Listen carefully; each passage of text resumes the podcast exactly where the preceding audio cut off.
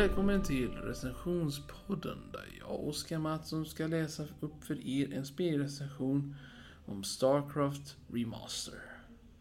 Detta spelet är gammalt, men jag kan rekommendera det starkt eftersom att remastern släpptes som ett minne utav det gamla.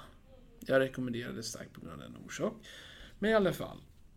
Detta är en föregångare till Starcraft 2, om ni känner till det spelet. Vilket är en RTS, Real Time Strategy, eller riktigt tidsstrategispel. Detta spelet innehåller inte bara en, utan två delar. Och bonusmaterial som innan fanns att ladda ner separat, men har nu blivit tillgängliga i detta paket gratis. Eller ja, tillgängliga kunna inte behöva ladda ner, för det ingår redan. Som till exempel följande två kampanjen, Brood War och originalkampanjet. Varav båda två kampanjer innehåller tre delar. En för Terran, en för Protoss, en för Zerg. Och så mixade de om det i Brood War eftersom att det inte är i samma ordning. Eftersom de tänkte att Zerg skulle vara sist och Proto skulle vara först, vilket gjorde det helt åt galenskap, men någorlunda. Det är likadant som bägge två. I alla fall, sen fanns det vissa DLC eller tillägg. Som till exempel, ja, jag kommer inte ihåg exakt allihopa så jag rekommenderar att ni tittar upp det själva. Det finns inbäddat i programmet. Dessa olika faktionerna som finns i spelet i normalt fall är ju de följande. Vi har Terran, eller som människorna. Som kommer från, ja, heliga Terra. Eller snarare, i detta fall skulle de kalla det för jorden. De är för detta psykologiska eh, krigsföringsspecialister, eller var snarare tillfångatagna utav regeringen och skickades ut i rymden på grund av att de tyckte nej, vi klarar inte av dessa folk, vi skickar ut dem någon annanstans. Så de blir någon annans problem. De sin tur åkte genom rymden en lång stund ända tills de kraschlandade i Coprulo Sector. De fyra skeppen kraschlandade, varav tre klarade sig, en blev totalt förstörd med innehållande passagerare. De återstående grupperna startade tre faktioner som kallas för The Terrans. Varav de fanns de tre olika grupperna som vi kommer nu, jag kommer försöka komma ihåg. Som heter The Calmorian Combine, The Minus States och såklart The Confederacy. Dessa tre olika grupperna styrdes utav olika grupper, olika bilder, men den största styrkan utav dem var The Confederacy. The Confederacy styrdes som en, ja, gammaldags, uh, ungefär som i den britt inte brittiska, men snarare amerikanska revolutionen. The Confederacy var, de tog upp en flagga eftersom en hade ledning som tyckte vi tar denna flaggan och gör den till vår egna. Vilket är som att de gillar Dixie och därmed ungefär som sydstaterna i USA. Oh boy. Inte helt exakt likadana, de är ännu värre. De är tuffare, hårdare och mer brutala mot alla andra. Senare så kommer det en revolution som följs av Mengsk. Aktursk Mengsk, med hans namn. Han Mengsk leder revolutionen som i sin tur leder till förfallet av Confederacy, men inte ensam än, utan man har också ett par personer som kommer hjälpa honom på sin väg, som i sin tur han förråder. Detta leder till Starcraft 2, så jag tänker inte avslöja för mycket just nu, men jag kan avslöja att Rainer, eller James Rainer, är huvudpersonen i uppföljaren. Men han kommer vara i detta spelet också en huvudperson. Eftersom att allt som händer är att du styr honom mestadels, och inte Arcturus Mengsk, som är general, och därmed styr i bakgrunden och vill att du ska göra saker åt honom ända tills du till slut hamnar i ett våldsamt eller negativ synvinkel med honom. Ni kommer förstå själva när ni spelar varför jag säger detta. Senare kommer vi till de två olika utomjordiska raserna som heter Zerg och Protoss. Vi kommer att spara Zerg till sist eftersom att det är en ganska imponerande uppbyggnad.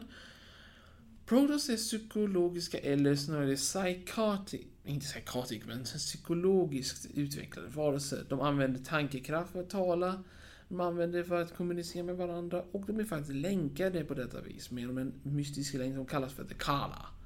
The Kala är en slags form av telepatisk kontaktstation som tillåter dem att kommunicera med varandra. Än så länge kan jag förklara också att det är en helig plats, en helig sak att inte skära loss sig själv från det kalla. Några få gjorde det och de blev antagna som exiles. Dessa exiles, eller nerazim, försöker allt i sin makt att leva sitt liv, ja, utan kala. Och detta är mer eller mindre vad som du kommer få lära dig genom storyn. Som berättas hur det kommer sig att, ja, en progressgrupp som hatar den ene plötsligt börjar beroende utav varandra. Senare kommer vi till Zerg. Ja, Zerg. Oh boy. Här var vi varelser som vill gärna äta upp ditt ansikte om du ens gör ett misstag. Du blöder, du är död. Du är svag, du är död. Det vill säga genetiskt sett så vill Zerg utvecklas. Svaghet är lika med fara för dens utveckling. Jag menar liksom, en, en av dem som mist ett ben vill de inte ska fortsätta genetiskt till nästa generation.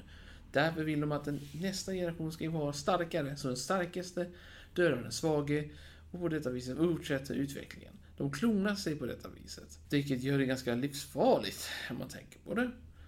En Zerg vi kommer nog i storyn känna igen är dock Scar.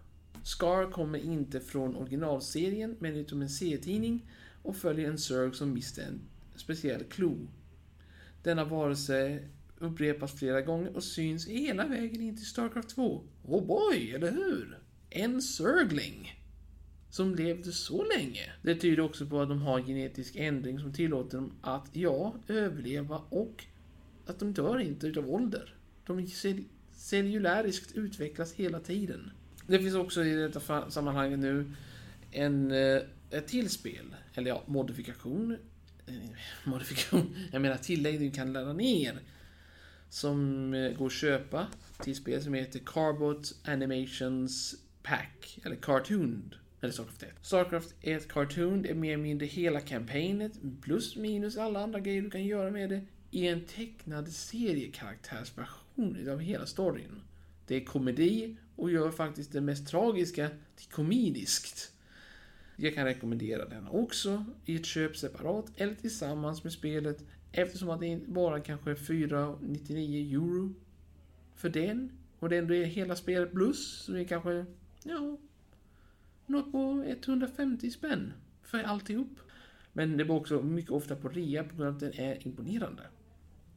Spelet har också tillgång till ladder-systemet, vilket är mer eller mindre ett eh, ja, nivåsystem där du visar hur bra du är.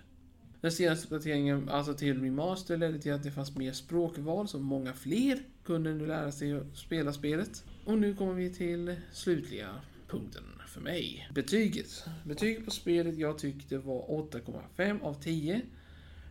På grund av tekniska orsaker och grafiken var inte helt 100% perfekt, men man lever med det lilla man har. Storyn är underbar. Hela storyn fortsätter underbart in till tvåan, som vi kommer att prata om nästa vecka. Jag hoppas att ni har haft en bra upplevelse med denna recension och vi hörs snart igen. Bye.